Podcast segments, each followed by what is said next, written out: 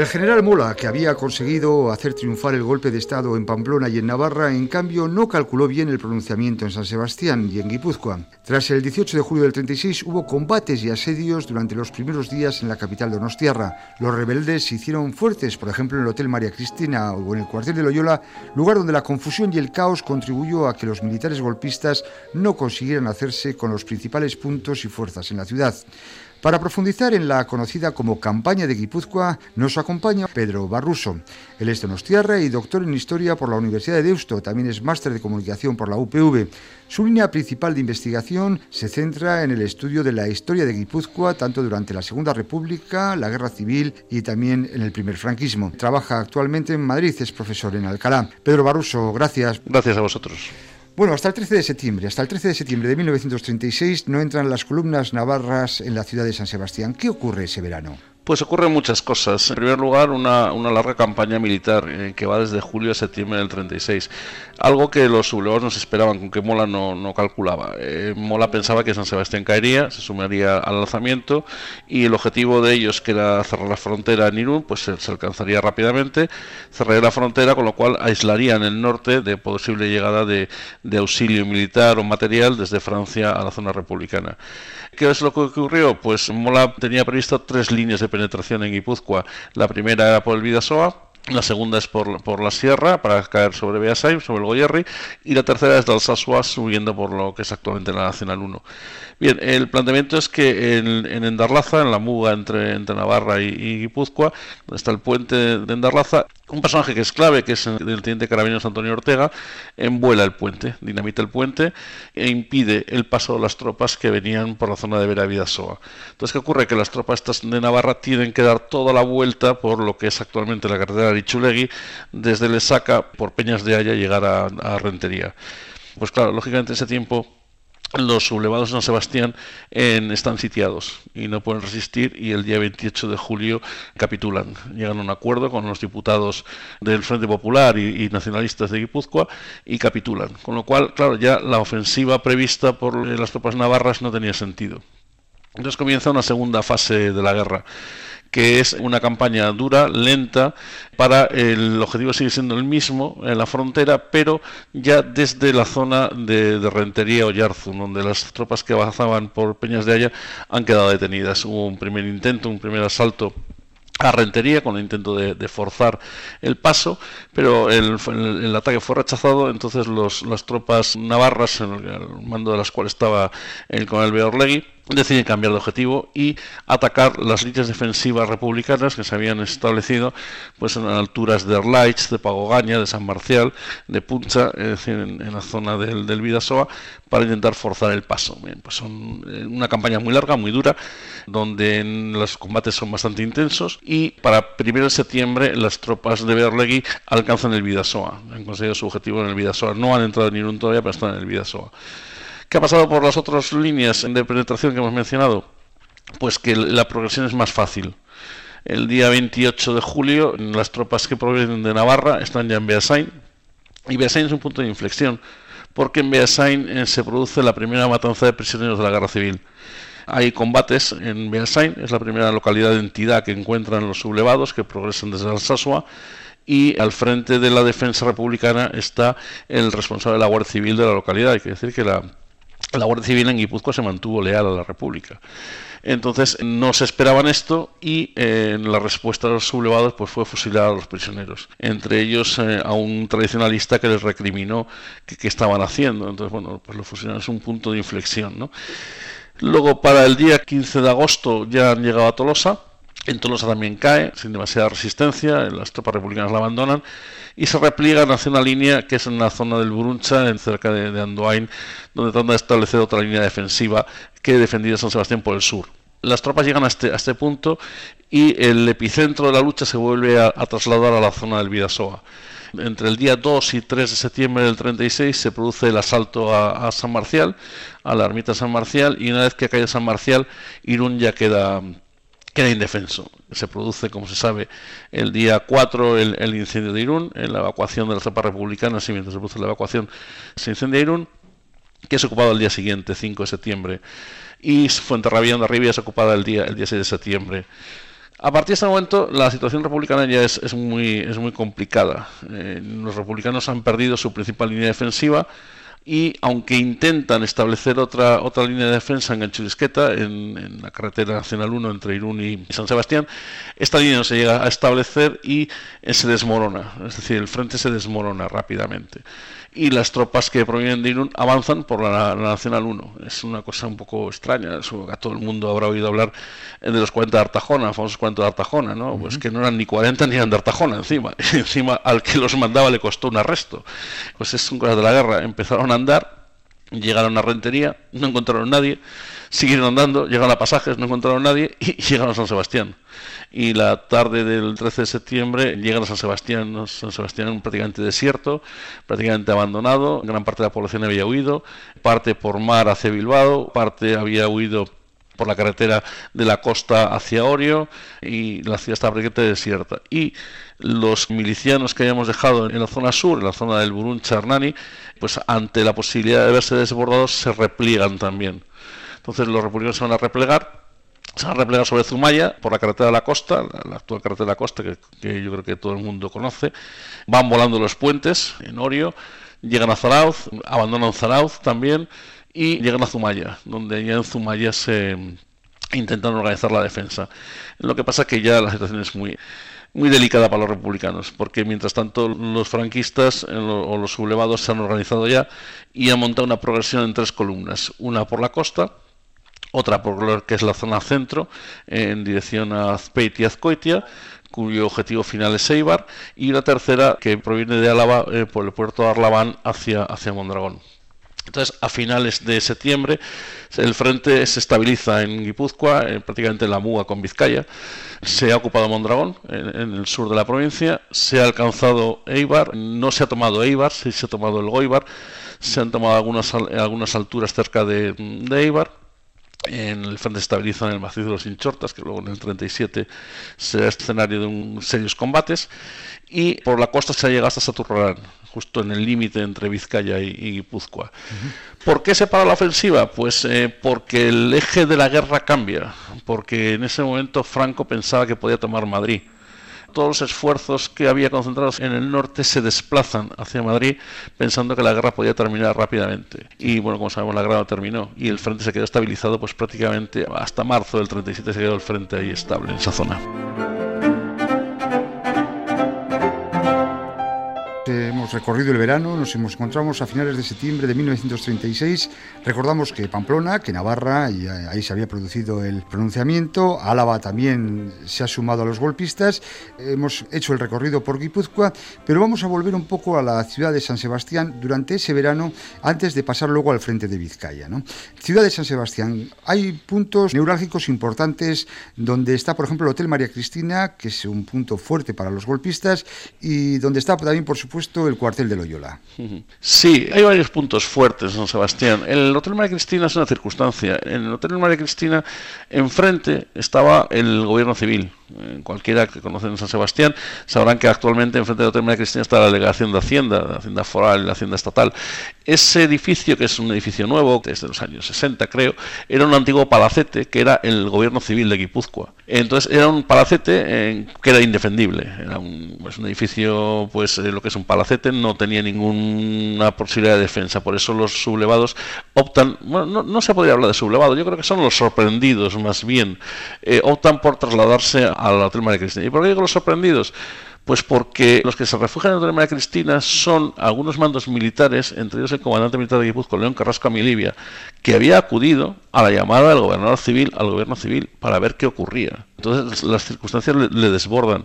Si ustedes saben San Sebastián, conocen un poco San Sebastián, enfrente del, del Ayuntamiento de San Sebastián actualmente está el Palacio de Goicoa, que era la antigua comandancia militar de San Sebastián. Fue durante muchísimos años, durante el franquismo y hasta hace pues, escasos años fue el gobierno militar. Se conocía así como el gobierno militar, en San Sebastián se conoce así. Entonces era el edificio donde León Carrasco estaba y de donde se traslada al gobierno al gobierno civil. Háganse ustedes, sitúense ustedes, es recorrer el bulevar y la calle Oquendo. Es decir, estamos hablando de, de, 300 metros nada más. Y el comandante militar cumple sus obligaciones. Es decir, le han llamado y él se traslada allí. Entonces, em, empiezan los rumores, empiezan las, situaciones extrañas, las sublevaciones y hay un momento en que en el cuartel de Loyola, el que toma el mando del cuartel de Loyola, es el teniente coronel Vallespín, que es el jefe del regimiento de ingenieros del cuartel de Loyola, y que eh, amenaza con bombardear la ciudad. Esta amenaza eh, lo que provoca es el pánico en San Sebastián. Entonces las autoridades republicanas huyen, salen de San Sebastián en coche hacia Ibar y los militares se quedan ahí. Y dicen, bueno, ¿qué, hacemos? No? ¿Qué hacemos aquí? Intentamos volver a, la comandancia, intentamos volver al cuartel de Loyola, y en ese momento se producen unos tiroteos, algún tiroteo esporádico, y entonces optan por refugiarse en el Hotel María Cristina, en un primer momento. Luego ya lograrán llegar a Loyola, salen por la orilla del, del Urumea y consiguen llegar a Loyola.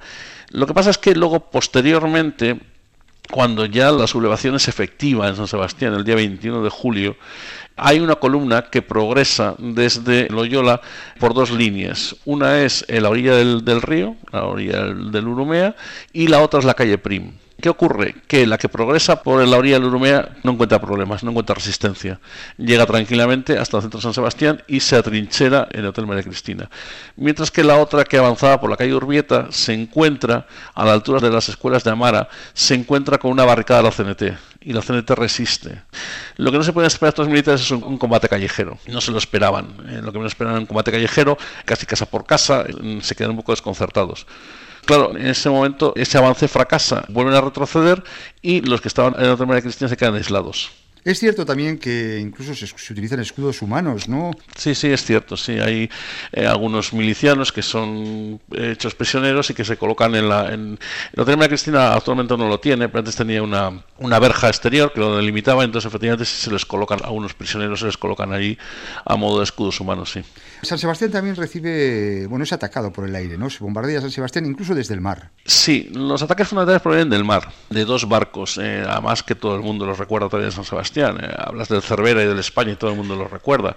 Eran dos barcos antiguos, bastante antiguos, pero claro, con una potencia de fuego muy superior a, lo de los republicanos. Tengan ustedes en cuenta que el, el que es un, lugar de esparcimiento para los tierras, era un lugar de defensa, de donde se hace fuego contra esos, contra esos barcos. Entonces, bueno, el bombardeo no es que sea muy efectivo, es más impactante que efectivo. Eh, hombre, un obús impacta en, en, la maternidad, causando varias muertes, otro impacta en el barrio de Guía, causando varias muertes, otros caen en medio de la ciudad y no explotan. Eh, por, por, curiosidad, en el centro de San Sebastián había una librería, la librería internacional, que, la conoce la gente que tenga un poco de edad San Sebastián, la ha conocido, pues está en una calle muy céntrica de la Diputación. Un obús naval de estos barco penetró por el techo, atravesó todo el edificio y se clavó en el sótano de esta librería, donde permaneció durante todo el franquismo y hasta los años 70, 80, creo, en el que se desactivó y les dijeron, pero bueno, ¿se dan cuenta ustedes que esto podía haber explotado? Y hubiera volado la manzana entera. Y dicen, no, pero como llevo aquí toda la vida, pues entonces, en fin. Formaba parte ya. Formaba parte del mobiliario, sí.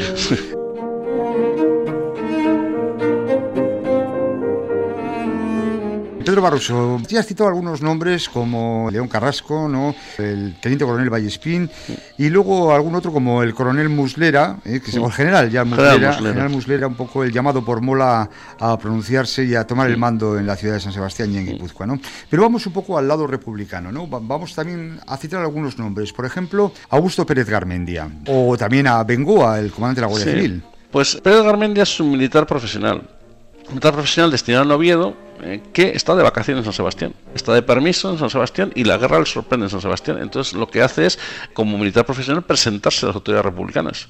Yo estoy aquí, ¿qué ocurre? Soy militar profesional, díganme ustedes qué quieren que haga. Y entonces le, encargan que organice una columna formista eh, que iba a estar formada por militares y por milicianos para que se dirigiera a Vitoria intentara recuperar Vitoria y, conquistar Vitoria y para las fuerzas republicanas. Bueno, eh, la, la, columna efectivamente salió y justo cuando esta columna salió es cuando se produce la sublevación en San Sebastián. La columna estaba en Mondragón y da la vuelta. Tiene que dar la vuelta, vuelve a San Sebastián, es cuando se producen los combates callejeros en San Sebastián de los días 22-23 de julio.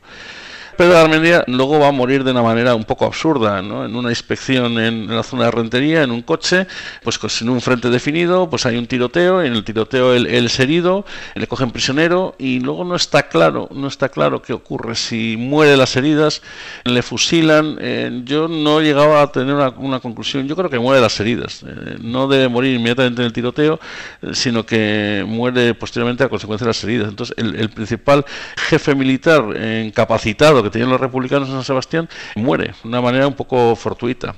Tenemos ahí también, ya antes citabas a Fausto Bengoa, que era el comandante de la Guardia Civil, que es leal a la República, al igual que los Miqueletes, ¿no? Y pero luego tenemos personajes ya en el mundo de la política. Por ejemplo, un Manuel Dirujo, entonces eh, diputado, un Lasarte, ¿no?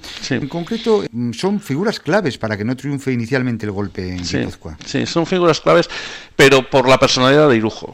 Eh, es que es como todo, esta guerra eh, es, una tragedia, pero a veces en, en, su inicio parece que tiene tintes como de comedia, ¿no? Estaba prevista una reunión de Euskadi y Urbachar en Pamplona. Entonces, bueno, pues todos los buruquides iban a ir hacia Pamplona, lo que pasa que se enteran en San Sebastián de que la cosa no está bien en Pamplona y que es mejor ir por allí. Entonces, bueno, pues se quedan ahí en San Sebastián, bueno, ahora qué hacemos, eh, qué pasa, eh, esto no está claro, entonces, bueno, los del Vizcaya y Urbachar optan por volver a Vizcaya, el Guipúzcoa y Urbachar se quedan en, San Sebastián y Irujo pues dice, bueno, ¿qué pasa? ¿Qué, ¿Qué hacemos? ¿no? no podemos quedarnos sin decir nada. Entonces, bueno, pues lo que él hace, redactan tanto Irujo como las artes, diputados nacionalistas por Guipúzcoa, redactan una nota, una nota diciendo que se pone al lado de la República, que rechazan la sublevación y que el nacionalismo vasco está con la República. Y se la entregan a Lecaroz. Lecaroz era el director de El Día, que era el periódico nacionalista en Guipúzcoa tenga usted la nota, vaya a la redacción, publique la nota en primera página y que todo el mundo se enterará que el PNV está en contra de la sublevación. Bueno, ¿qué pasa? Que a Lecaro le hieren por la calle, en un tiroteo le hieren, nunca llega al periódico. Y la nota nunca llega al periódico, y la nota nunca se publica.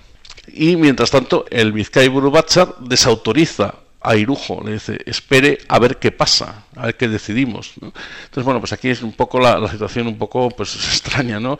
Los miembros del GBB duermen en casa de Estornés, de Bernardo Estornés, un escritor nacionalista, y al día siguiente deciden ir a misa y después de ir a misa decidir qué hacemos, ¿no? Sí, porque hay que comentar que el PNV era mayoritario en Guipúzcoa, ¿no? Controlaba 69 de los 87 municipios guipuzcoanos, pero sin embargo en San Sebastián, en la ciudad de San Sebastián, mm. era minoría. Sí, el, el PNV gobierna en, o domina el mundo rural guipuzcoano Guipúzcoa es una provincia con tres o cuatro núcleos urbanos importantes y el resto son pequeñas localidades urbanas, eh, rurales. Ahí sí domina el PNV, pero en las grandes ciudades, los grandes núcleos de población, en las grandes ciudades estamos hablando de la escala 1930. En aquella época San Sebastián tenía 80.000 habitantes. Es San Sebastián, es Eibar, es Irún, es Rentería, es Mondragón. Ahí el nacionalismo no es tan fuerte. De hecho, el alcalde de San Sebastián es un republicano, que por cierto fue el anfitrión del, del Pacto de San Sebastián, agosto de 1930, que es Fernando Sassiain. En Irún los socialistas son mayoría, aunque el alcalde también es republicano. En Rentería están equiparados los concejales republicanos los concejales nacionalistas. En Mondragón la izquierda es mayoritaria. En fin, hay una dicotomía ¿no? entre lo que es el mundo urbano y el mundo rural en Guipúzcoa. Porque tenemos a las milicias socialistas y a las anarquistas en San Sebastián, mm. que las juntas de defensa, ¿qué pasa con las juntas de defensa? ¿Cometen realmente aquellos excesos de los que se habla? ¿Qué ocurre en la cárcel de Ondarreta? Bueno, la Junta de Defensa es una institución de emergencia que se crea de concentración en la que se juntan todas las fuerzas políticas, desde el Partido Comunista hasta el Partido Nacionalista, pasando por el NV. ¿Qué pasa? Pues que mm, sin que lo podamos afirmar a ciencia cierta, porque lógicamente el victimario nunca deja rastros de su, de su crimen, parece que sectores del PC de Euskadi toma la decisión de fusilar a los prisioneros de la cárcel de Ondarreta. Es decir, en la cárcel de Ondarreta se había encerrado a los oficiales capturados en Loyola. Entonces, bueno, parece ser que la orden parte del dirigente. ¿no? Esto lo digo con toda la reserva del mundo. Nunca creo que lo podamos demostrar a ciencia cierta, pero todo parece indicar que así es que da la orden de fusilar a los, a los, a los prisioneros. De hecho, Manuel Dirujo, al coronel León Carrasco Milivia le salva una vez la vida porque iban a, iban a por él. Bueno, León Carrasco luego es asesinado en, San Sebastián. Y sí que es cierto que hay un momento de descontrol donde el comisario de orden público, eh, que era nacionalista, no es capaz de reaccionar y se producen varios desmanes, se producen varias matanzas, una en Ondarreta, noche del 30 de julio, otra en agosto, el 10 de agosto, en, son varios presos de tradiciones de Tolosa, son detenidos, trasladados a San Sebastián y fusilados en el Paseo Nuevo, y luego ya el día 4 de septiembre, antes de la toma de, de Ondarribia, lo mismo, y eso es una cosa que, bueno, no es, como decía aquel, vengo a hablar de mi libro, vamos a publicar un libro dentro de poco, donde aclaramos un poquito más el tema de, del Fuerte Guadalupe, donde también son fusilados una serie de presos de derechas, ¿no? Son las tres matanzas de derechistas así como más mm, llamativas. Luego hay algunas más. Son más cualitativas que cuantitativas, ¿no? Porque, por ejemplo, es Víctor Pradera, que es fusilado en San Sebastián, los hermanos de Turrino, que son falangistas de San Sebastián, que no sean un símbolo del franquismo. En fin, son, ya le digo, son más eh, cualitativas que cuantitativas. Calculo, mm, las estimaciones son en torno a unos 300 víctimas de la represión republicana en, en Guipúzcoa. Por ejemplo, desde Iparralde, ¿cómo, cómo se ve, cómo se vive desde Iparralde la situación en Egoalde, ¿no? Sabemos que emisarios de Mola se habían reunido, por ejemplo, con representantes de Hitler y de Mussolini en San Juan de Luz, ¿no? Pues desde Iparralde se vive de varias maneras. Eh, en Iparralde incluso se, es como un palco. Eh, la gente en Iparralde ve, va a ver eh, la guerra. En la Muga, en el Vidasoa, en, la zona de Villetú, la gente va allí. Hay grabados. En la, prensa francesa salen grabados y fotos como la gente va a ver la guerra, como si estuviera viendo un espectáculo. ¿no? Incluso el francés se mostró indignado porque una bomba de un avión había caído en territorio francés. Bueno, es que ir a ver la guerra, pues la verdad, francamente. Lo que pasa es que en Iparralde que se desarrolla es una auténtica guerra secreta. Ahí hay servicios secretos republicanos, servicios secretos franquistas, la Gestapo alemana, la obra italiana, los ingleses, los franceses, todos están por ahí. Es decir, ahí se libra otra guerra, la, pues, la típica guerra de las sombras, o el, Frente Silencioso, lo llamé yo en un trabajo que publiqué hace años, donde se entrecruzan todos pues en auténticas películas que no desmerecerían las películas de James Bond, efectivamente. Se habla también de que, entre comillas, de que se creó una especie de GAL, ¿no? Por decirlo de alguna manera. Sí, sí, sí, no, no, por decirlo de alguna manera, no, por decirlo claramente. Eh, hay un comando, hay un comando de, de, organizado por el comandante militar de Irún que se ocupa de dar golpes de mano en, Francia. Los golpes de mano van desde intentos de secuestro, eh, colocación de bombas, atentados, intentos de secuestro de, barcos, fin, eh, de propaganda, en fin, en vigilancia de aviones, vigilancia de barcos, en fin, sí, sí, es una, un grupo de acción formado por, por gente de muy diversa procedencia, algunos delincuentes comunes, ha quedado demostrado ya, que eh, se ponen al servicio de la causa franquista y que actúan, pues sí, como un auténtico comando en, Francia, que cruzan la frontera eh, con periodicidad, van, vienen, hasta que la policía francesa ya en un golpe de mano les detiene y lo desarticula. Pero vamos, sí, pues, profesor Pedro Baruso, donostiarra, doctor en Historia por la Universidad de Deusto, con esta línea principal de investigación que ha tenido usted, tanto en la historia de Guipúzcoa durante la Segunda República, la Guerra Civil, eh, la primera parte del franquismo. Muchísimas gracias. Nada, es que a vosotros.